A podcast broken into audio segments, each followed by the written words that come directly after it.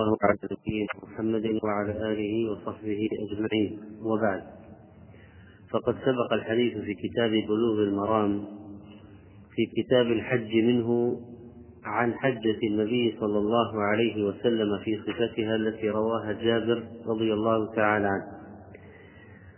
قال وعن خزيمة بن ثابت رضي الله عنه أن النبي صلى الله عليه وسلم كان إذا فرغ من تلبيته في حج أو عمرة سأل الله رضوانه والجنة واستعاذ برحمته من النار. هذا الحديث ضعيف لأن فيه صالح بن محمد بن زائد الليثي وهو مدني ضعيف ولكن الدعاء لسؤال الله رضوانه والجنة والاستعاذة برحمته من النار لا بأس به لكن لا يقيده بوقت لم يثبت فيه هذا الدعاء ولا يقيده بمكان لم يثبت فيه هذا الدعاء وإنما يكون من ضمن الأدعية التي يدعو بها الحاج. وعن جابر رضي الله عنه قال قال رسول الله صلى الله عليه وسلم نحرت هنا ومنى كلها منحر فانحروا في رحالكم ووقفت ها هنا وعرفة كلها موقف ووقفت ها هنا وجمع كلها موقف. أما بالنسبة لمنى فإن إحدى المشاعر العظيمة ولها حدود فيحدها غربا جمرة العقبة يعني نهاية منى من الغرب جمرة العقبة. ونهاية منى من الشرق وادي محسر وادي محسر يفصل بينها وبين مزدلفة إذا وادي محسر لا هو من مزدلفة ولا هو من منى. لأن بعض الناس يريد أن يعرف حدود مزدلفة حتى لا ينزل خارج مزدلفة إذا نزل من عرفة. يريد أن ينزل في مزدلفة ليبيت فيها. فوادي محسر ليس من مزدلفة وكذلك لابد أن يعرف الناس منى حتى لا يبيت خارج منى إلا عند الضرورة. فوادي محسر ليس من منى فهو واد بينهما. وقال عطاء رحمه الله منى من العقبة إلى محسر. وأما بالنسبة لحدها الجنوبي والشمالي فهما جبلان مستطيلان من الجانبين الجنوبي والشمالي ماذا بالنسبة للجبال؟ يوجد في منى جبال على حدود منى يوجد جبال. سفوح الجبال من جهة منى تبع منى. أما سفوح الجبال من الناحية الأخرى من الخلف فليست من منى. ولذلك ترى في هذه الجبال مسطحات معمولة بحيث يمكن أن تنصب عليها خيام مثلا. فهذه من منى من جهة منى. بطن الجبل سفح الجبل من جهة منى هو من منى. وأما بالنسبة لقوله ومنى كلها ومنى كلها منحر فالمنحر اسم مكان وهو الذي تنحر فيه الإبل. كلها للمنحر يعني أي مكان من منى نحرت أجزأ ذلك. وقد نحر النبي صلى الله عليه وسلم كما قال بعضهم عند الجمرة الصغر الأولى التي تلي مسجد الخيف. وقوله جمع جمع اسم لمزدلفة لأن الناس يجتمعون فيها. المزدلفة من الازدلاف لأن الناس يتقربون يتقربون إلى منى بعد عرفة أو يتقربون فيها إلى الله. المزدلفة وجمع اسمان لشيء واحد. والحديث يدل على استحباب نهر نحر الهدي أو ذبحه في منى. والمراد به دم التمتع والقران وهو واجب في الحج. لكن لو ذبح في مكة دم الهدي لو ذبح في مكة جاز. لكن السنة أين يذبحه؟ في منى هل المفرد عليه دم؟ لا لكن يستحب له أن يذبح دم أين يستحب له أن يذبحه؟ في منى إذا دم الهدي المستحب أن يذبحه في منى في دم جبران ودم شكران ودم قربان فإذا هذا الذي يتقرب به الحجاج إلى الله تعالى في الحج السنة ذبحه في منى ويجوز في مكة لكن لا يجوز خارج منطقة الحرم. يعني لو واحد قال أنا أذبح في جدة دم الهدي أحسن أنظف أفرغ نقول لا يجب أن يذبح الهدي داخل منطقة الحرم. وأما بالنسبة لدم الجبران فهو قسمان قسم لترك واجب وقسم لفعل محظور. فهذا الدم الواجب لترك واجب أو لفعل محظور لا بد أن يكون داخل الحرم إذا كان سببه فيه. يعني واحد ترك واجبا فلا بد إذا كان الواجب المتروك داخل الحرم أو فعل محظورا داخل الحرم أن يذبح في الحرم. إذا فعل المحظور خارج الحرم يجوز أن يذبحه خارج ويجوز أن يذبحه في الحرم. دم الإحصار يذبح في المكان الذي أحصر فيه. جمع كلها موقف في أي مكان من مزدلفة وطبعا سفوح الجبال المطلة على مزدلفة من مزدلفة. سفوح الجبال التي هي في حدود مزدلفة سفوحها المطلة على مزدلفة من مزدلفة. عرف كلها موقف. في أي مكان وقف أجزأه ذلك. وهذا طبعا فيه تيسير عظيم على الحجاج الحديث هذا ما ألزمهم بمكان معين في منى ولا ألزمهم بمكان معين في عرفة ولا ألزمهم بالمشعر الحرام في مزدلفة لا بد أن يأتوا المشعر الحرام مثلا. وهذا من تيسير الله تعالى. قال وعن وطبعا هذه المسألة مسألة مهمة لأن آه، كثير من الحجاج لا يعرفون الحدود. مسألة التحديد بالجبال تصعب على الناس. ليسوا بذوي خبرة ولذلك جعلت العلامات. فمن المهم الواحد يقرأ العلامات. يقرأ العلامات. وبعضهم ربما سأل جاهلا مثله. أين مزدلفة هذه مزدلفة انزل. ثم إذا نزل وبات وانتهت الليلة ومشى إلى منى وهو في الطريق يرى العلامة. بداية مزدلفة.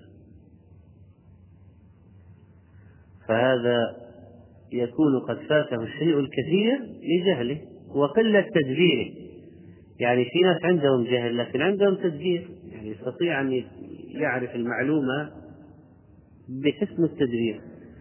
لكن إذا انضاف إلى الجهل قلة تدبير لا بالذي يعلم ولا بالذي يسلك سبيلا مناسبا للعلم فيفوته الخير العظيم. فالمهم جدا للإنسان أن يعرف الحدود.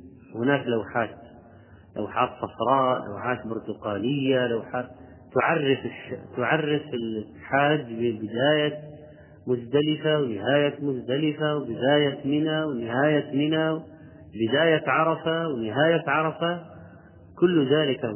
ولو أن الشخص دخل داخل الحدود ولو قدم داخل الحدود صح حجه في عرفة. ولو خارج خلف اللوحة ما صح حجه الحج عرفة.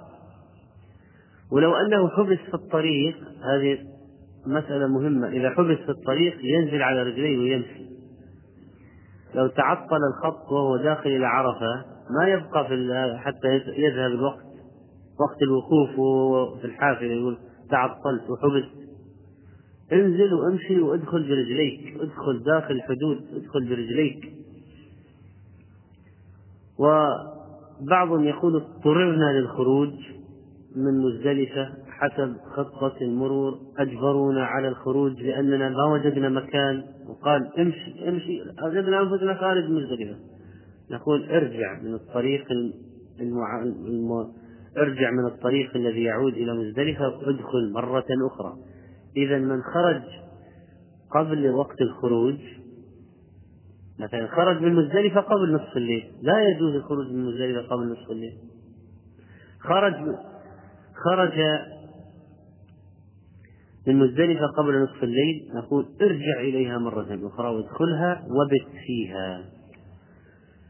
وعن عائشة رضي الله عنها أن النبي صلى الله عليه وسلم لما جاء إلى مكة دخلها من أعلاها وخرج من أسفلها متفق عليه. أعلاها ثنية الحجون وتسمى كداء كداء وليس كدى في في مكة منطقتان كداء بفتح الكاف والألف الممدودة. كداء ومنطقة أخرى اسمها كدى فأما بالنسبة لكداء فهي ثنية الحزون التي دخل النبي صلى الله عليه وسلم مكة منها. من هذه المنطقة. الآن هذه المنطقة شارع بين مقبرتي المعلاه لأن هناك شارع يقسم مقبرتي المعلاه قسم عن يمينه وقسم عن شماله. هذا الشارع طريق الذي دخل منه النبي عليه الصلاة والسلام مكة لو قال أنا أريد أن أطبق السنة في دخول مكة. وأس وقوله وخرج من أسفلها أسفل مكة ثنية كدى منطقة أخرى كدى مثل هدى. هذا الذي يعرف الآن بريع الرسام. إذا رأيت منطقة في مكة اسمها ريع الرسام فهذا الطريق الذي سلكه النبي صلى الله عليه وسلم. يأتي من حارة الباب إلى جرول إلى قبة محمود. هكذا سلك هذا السبيل عليه الصلاة والسلام. طبعا الثنية هي المكان أو الطريق بين الجبلين. دخل عليه الصلاة والسلام مكة من أعلاها لما فتحها في رمضان سنة ثمان من الهجرة. وكذلك جاء في الصحيحين كان رسول الله صلى الله عليه وسلم يدخل من الثنية العليا ويخرج من الثنية السفلى فهذا بالحقيقة مدخله ومخرجه سواء كان حاجا أو معتمرا أو غازيا. لكن هذا لمن سهل عليه ذلك. الذي يصعب عليه ذلك يدخل من أي طريق ويطلع من أي طريق وفعله صحيح. لكن نلاحظ أنه خالف الطريق. يعني ما طلع من نفس الطريق الذي دخل منه. قيل ليشهد له الطريقان عند الله سبحانه وتعالى. قيل لي لينال, لينال من بركته الناس في هذا الطريق وفي هذا الطريق. قيل لمناسبة العلو عند الدخول لما فيه من تعظيم المكان والعكس عند الفراق والخروج قيل لأن إبراهيم فعل ذلك. قيل إن هذا الذي تيسر له تيسر له أن يدخل من هذا الطريق تيسر له أن يخرج من هذا الطريق. المسألة فيها سعة ومن أراد أن يتبع السنة بدقة فهذا المدخل وهذا المخرج. وعن ابن عمر رضي الله عنهما أنه كان لا يقدم مكة إلا بات بذي طوى حتى يصبح ويغتسل ويذكر ذلك عن النبي صلى الله عليه وسلم متفق عليه. هذه المسألة وهي المبيت بذي طوى قبل الدخول هل هي سنة أو هذا الذي اختارته مصلحة الحركة والسفر أو راحة المسافر بعد الإجهاد وقبل دخول مكة. هل هذه مسألة تقصدها النبي عليه الصلاة والسلام لأجل النسك أو أنها قضية تيسير؟ يعني تيسر له هذا ففعله أو كان من المصلحة أن يفعله ففعله. أولا قوله بذي طوى أو ذي طوى أو ذي طوى كلها صحيحة. موضع عند باب مكة في في طريق العمرة المعتادة ومسجد عائشة. يعرف اليوم هذا بآبار الزاهر. يعني لو قال أنا أريد أن أبيت قبل دخول مكة في بذي طوى وين أين أبيت؟ نقول عند آبار الزاهر هذه ولا زالت البئر موجودة في جرول أمام مستشفى الولادة وهذه المنطقة التي تشمل يعني ما يسمى اليوم بالزاهر والعتيبية وشمال جرول. هذه آه، تعرف بذي طوى بات فيها عليه الصلاة والسلام تمهيدا لدخول مكة وأصبح واغتسل ثم دخل مكة. إذا في سنة في المبيت والاغتسال قبل دخول مكة. طبعا الآن امتدت حدود مكة وإذا أراد واحد أن يغتسل قبل دخول مكة فإنه سيفعل ذلك سيفعل ذلك قبل. ولو أنه تيسر له أن أن يبيت فيها ويغتسل فيها فإن هذا فإن هذا المكان الذي فعل فيه النبي صلى الله عليه وسلم المبيت والإغتسال. الاغتسال عند دخول مكة مستحب عند جميع العلماء. الاغتسال ليس للإحرام الاغتسال لدخول مكة. إذا لابد نفرق بين اغتسالين اغتسلهما النبي عليه الصلاة والسلام. اغتسل قبل الإحرام واغتسل قبل دخول مكة. فهذا الاغتسال غير ذاك. طبعا الآن ممكن الواحد يغتسل في بيته هنا في المنطقة الشرقية ويحرم من الميقات بعدها بساعتين من بعد الاغتسال ويدخل مكة بعدها بساعة أو ساعتين. يعني الغسل صار الآن في البيت والإحرام والدخول مكة متوالي وراء بعض ولا بأس بذلك طبعا. لكن احترام مكة اغتسل قبل دخول مكة من حرمة مكة. ويجوز أن يدخل مكة محرما ويجوز أن يدخلها حلالا كما دخلها النبي عليه الصلاة والسلام عام الفتح محرما. لو حصلت له حاجة وأراد أن يدخل مكة بدون إحرام يجوز له ذلك على الراجح. واستحب العلماء من هذا الحديث المبيت بذي طوى وأن يدخل مكة نهارا. يعني لا يدخلها ليلا يدخلها نهارا. وتخصيص الاغتسال من هذا البئر والبيات في ذلك المكان لعله كان على طريقه. يعني هكذا كان طريقه وهكذا تيسر الأمر. وبالتالي لا تتقيد الأفضلية بذلك. إذا قلنا المسألة مسألة مصلحة المسافر وهكذا هذا الذي تيسر له. ولم يتقصده تقصدا لأجل النسك. فيكون إذا تكون الأفضلية غير متقيدة. لو اغتسل في أي منطقة أخرى قبل دخول مكة أي منطقة أخرى اغتسل فيها فقد فعل السنة الاغتسال قبل دخول مكة.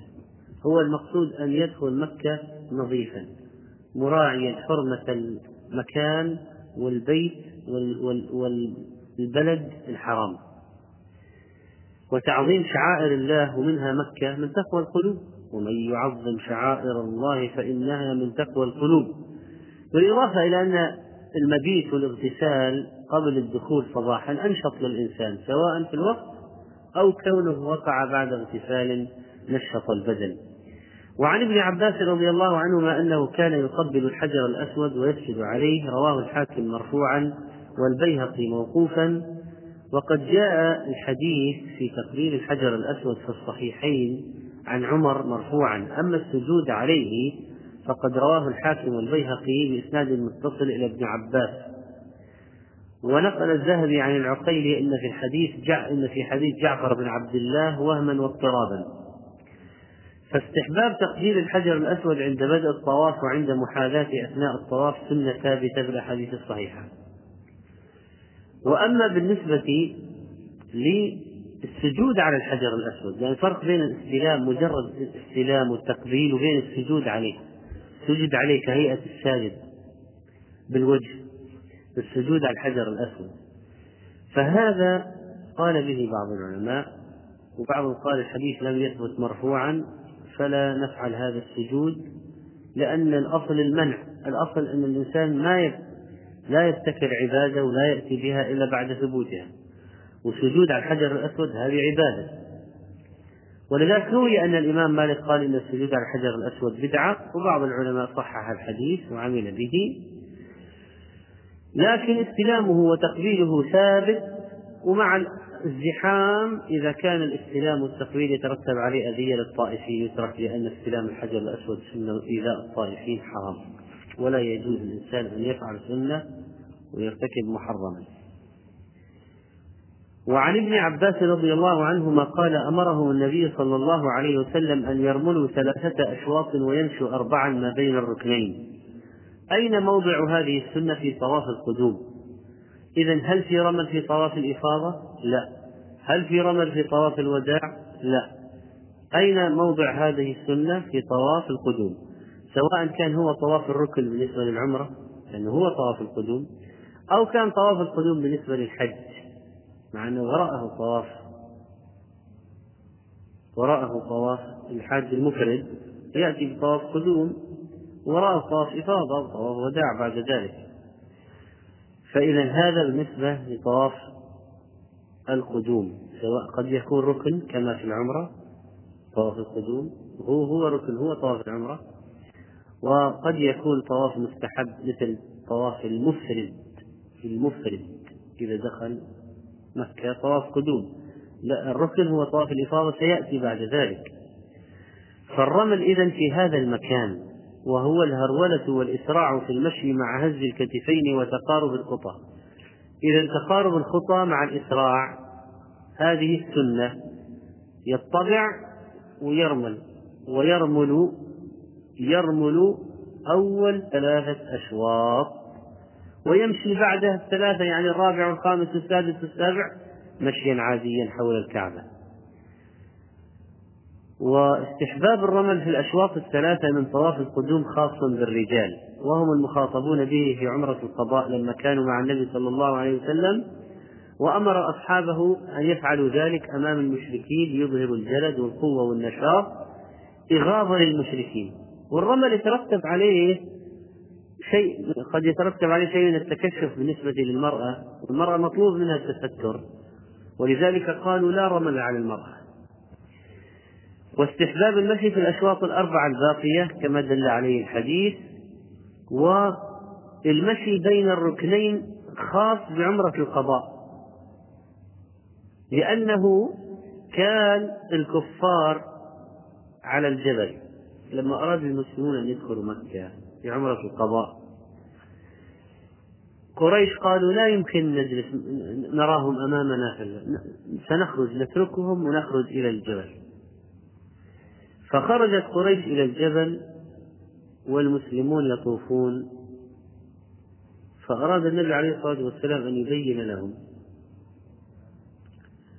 ماذا يبين لهم؟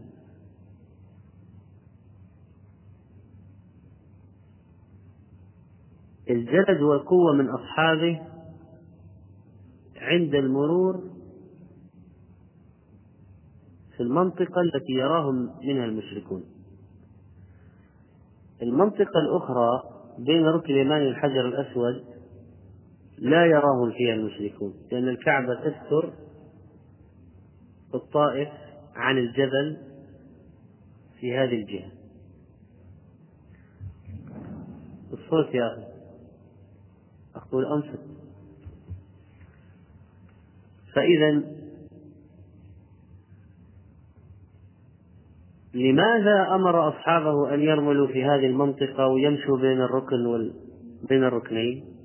لأن بين الركنين لا يراهم المشركون وهو يريد الجمع بين مصلحتين أن يظهر الجلد والقوة والنشاط أمام المشركين ليقولوا ما وهنتهم حمى يثرب وأنهم نشيطين ويخجل ذلك قريشا ويفت في عضدهم وفي ذات الوقت المصلحة الأخرى الإبقاء على صحة وقوة أصحابه. فلذلك أمرهم أن يرملوا من هنا ويمشوا من هنا.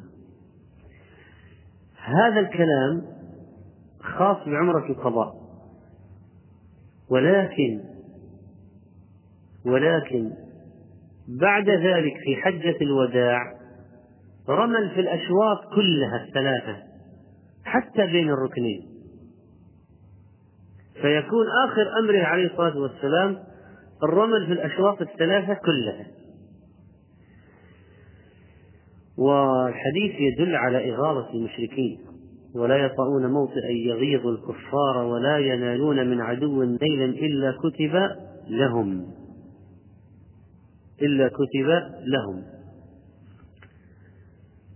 وهذه السنة بقيت لعموم المسلمين مع أن الله طهر مكة من المشركين والشرك ولم يعد لهم سلطان عليها.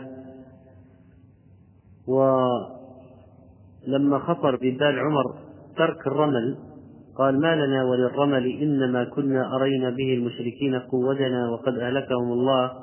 رجع وتراجع عمر وقال شيء صنعه رسول الله صلى الله عليه وسلم فلا نحب أن نتركه. ولذلك هو باقي إلى قيام باقي إلى قيام الساعة. وأن النبي عليه الصلاة والسلام في حجة الوداع ما ما كان في مكة شرك. ومع ذلك رمل. إذا هو سنة باقية. لكن أصلا أصلا أول ما فعل كان بقصد إغاظة المشركين. والإنسان يتذكر إذا فعله. يعني رمل في الأشواط الثلاثة الأولى. أن النبي عليه الصلاة والسلام وأصحابه جاءوا وغاضوا المشركين فتحوا مكة بعد ذلك. فيتذكر يعني هذه الأمور وأن من مظاهر العزة الإسلامية إظهار الجلد والنشاط والقوة أمام أعداء الله وأن نريهم أقوى ما عندنا من باب الحرب النفسية أن نريهم أقوى ما عندنا.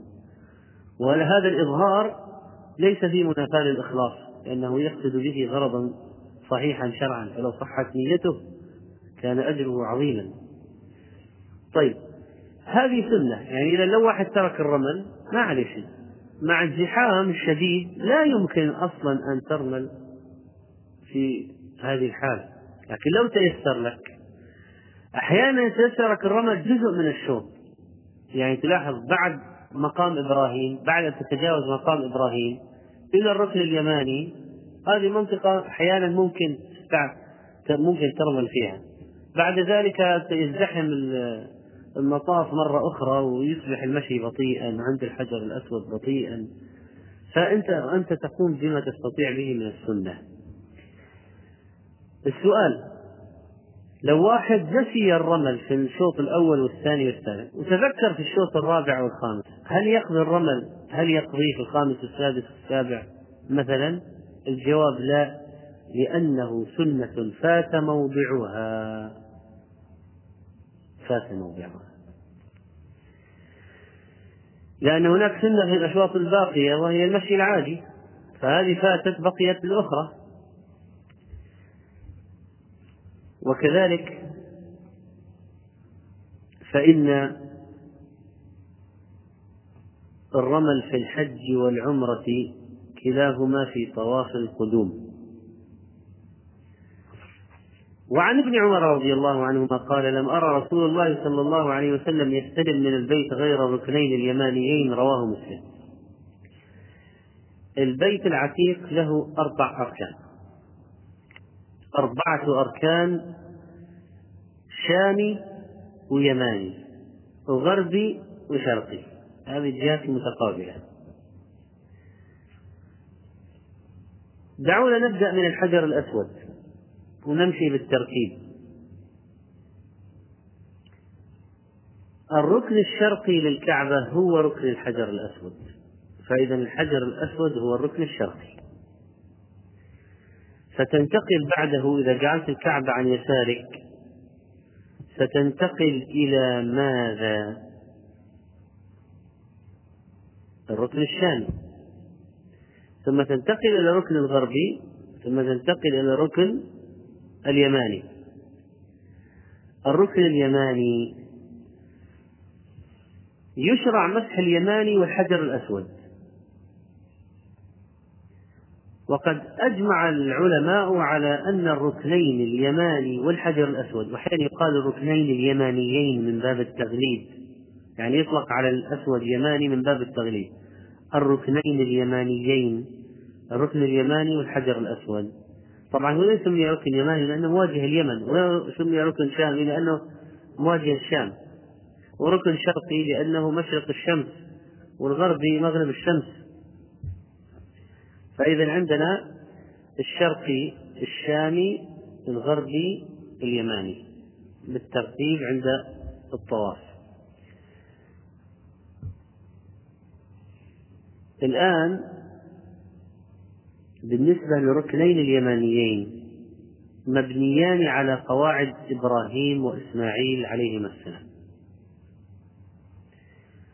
الركنان الشامي والغربي للبناية الموجودة الآن للكعبة ليست على قواعد إبراهيم وإسماعيل لأن السيل لما جاء في عهد قريش هدم الكعبة وأعادوا بناءها واشترطوا مالا حلالا وما وجدوا الخشب بنفقة حلال مال حلال إلا مقدار معين. أحاطوا المقدار الباقي بهذه بهذا الحجر احتجروه والذي هو على شكل حدوة الحصان أو القوس. هذا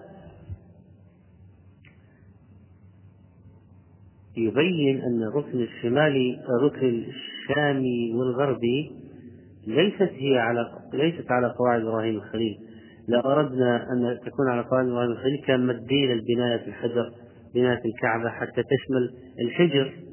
ونحصل على الركنين فقيل إن النبي عليه الصلاة والسلام استلم الركن اليماني والحجر الأسود ولم يستلم الركنين الآخرين لأن تلك التي على قواعد إبراهيم الخليل. ولذلك ابن الزبير لما أعاد بنيان الكعبة ووسع البناية وأدخل الحجر وأعادها على قواعد إبراهيم الخليل استلم الأركان الأربعة. وبعد ذلك جاء الحجاج وهدمها وقال ابن الزبير مبتدع وغير وبدل وأرجع الحجاج البيت إلى ما هو عليه الآن. ولما جاء هارون الرشيد وأراد أن يعيد البنيان جاء مالك رحمه الله وقال يا أمير المؤمنين لا تجعل بيت الله ملعبة للملوك. هذا واحد قال هدم أغير. دع بيتا أسلم الناس عليه. هكذا كان أسلم الناس عليه دعه على ما هو عليه. فإذا الكعبة الآن جزء الكعبة الآن جزء مبني وجزء غير مبني. فإذا واحد قال أنا ما يفتحوا لي الباب أصلي في الكعبة نقول بسيطة. ادخل الحجر ادخل في الفتحة اللي بين الحجر والكعبة وصلي فيها فأنت مصل في في جوف الكعبة. أنت مصل في جوف الكعبة. ما فاتك يعني الصلاة داخل الكعبة. لأن هذه المنطقة من الكعبة.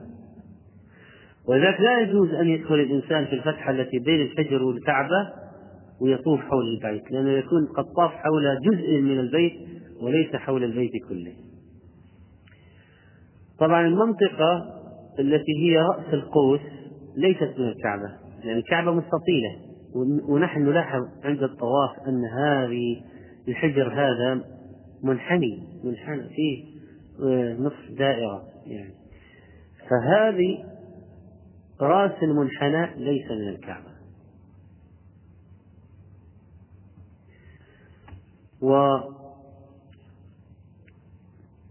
والحكمة طبعا في امتثال في في استلام الركنين اليمانيين في الحقيقة امتثال أمر الله عز وجل باتباع النبي صلى الله عليه وسلم وهو الذي استلم هذين الركنين فنستلمهما.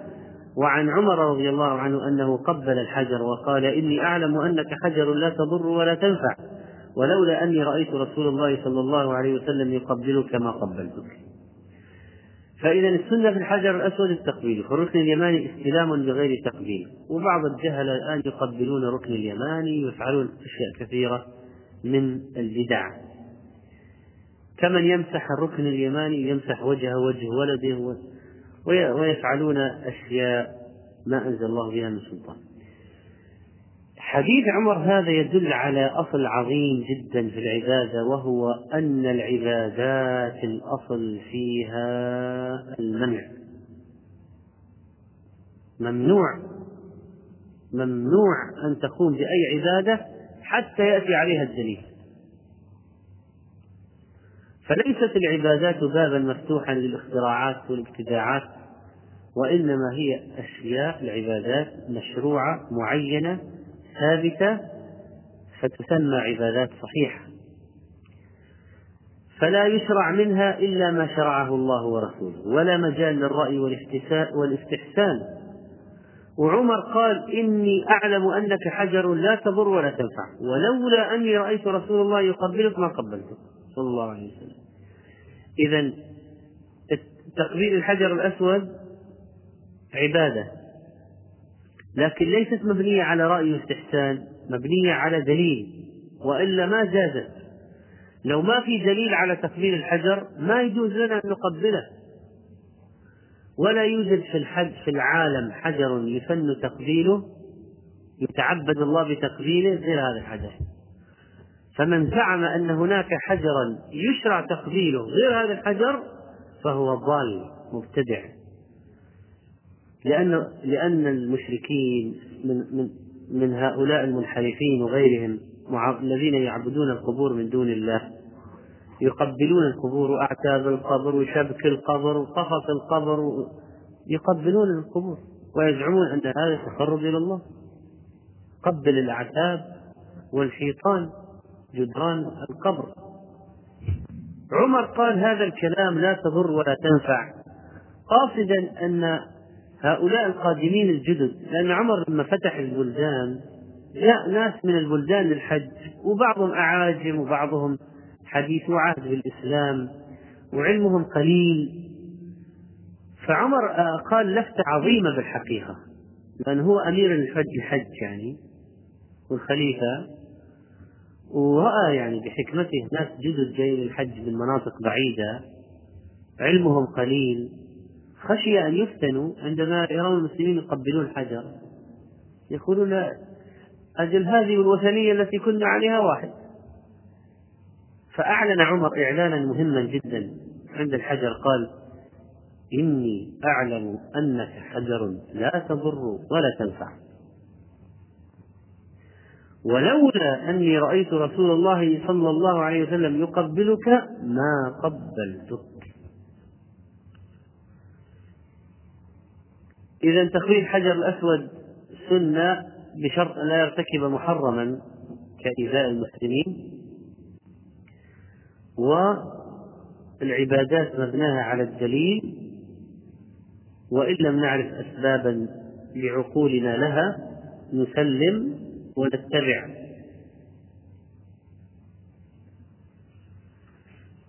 وعن أبي الطفيل رضي الله عنه قال رأيت رسول الله صلى الله عليه وسلم يطوف بالبيت ويستلم الركن بمحجن معه ويقبل المحجن. فهذه سنة أخرى لمن لم يستطع تقبيل الحجر ولا استلام الحجر بيده. أن يستلم الحجر بعصا محنيه الرأس المحجن أو أي شيء آخر. عصا غير محنيه الرأس لا بأس. طاف النبي صلى الله عليه وسلم راكبا للحاجة وليتعلم منه الناس والراكب بطبيعة الحال يشق عليه استلام الحجر. فاستلمه بمحجن وقبل ذلك المحجن. إذا استلم بعصا وقبل طرف العصا الذي لامس الحجر. وإذا ما تمكنت من استلامه لا إذا ما تمكنت من التقليد ولا من الاستلام باليد ولا من الاستلام بمحجن أو عصا أو مظلة. إذا ما تمكنت فأشر إليه إشارة. ويكفي. أما بالنسبة لركن اليماني فإذا لم تتمكن من استلامه فلا إشارة. وكثير الحجاج لجهلهم يشيرون إلى الركن اليماني وهو ماشي في الطواف.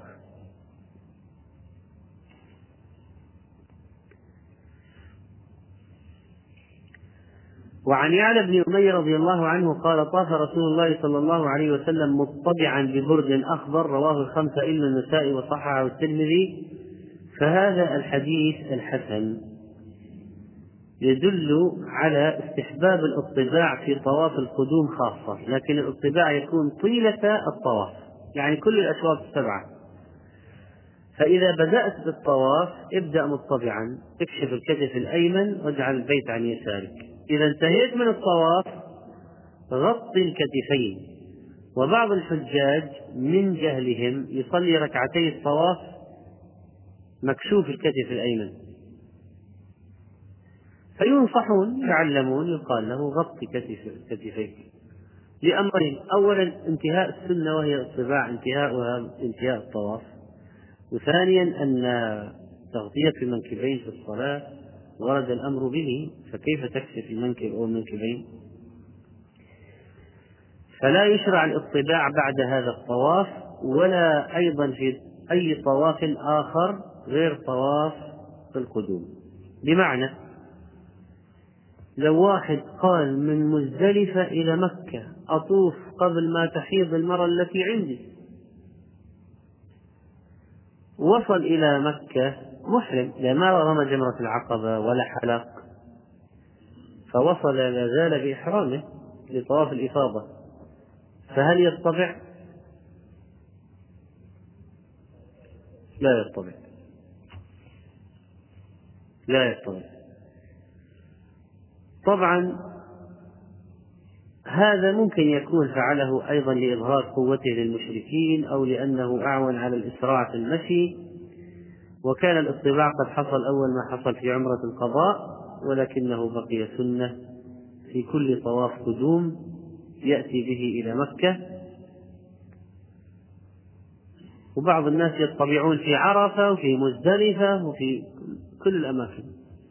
مع أن السنة الاطباع في طواف القدوم. الحديث يدل على أنه يجوز أن يكون لباس الإحرام من غير اللون اللون الأبيض. فممكن يكون أخضر ممكن. ولكن الأفضل الأبيض لكن إذا ما تيسر يلبس أي لون. وعن أنس رضي الله عنه قال كان يهل منا المهل. فلا ينكر عليه ينكر عليه ويكبر منا المكبر فلا ينكر عليه متفق عليه. بالنسبة للتلبية إذن وهي رفع الصوت الإهلال بالتلبية رفع الصوت بها هذا الحديث يدل على جواز خلط التكبير بها بالتلبية. كلا الأمرين طيب كلا الأمرين طيب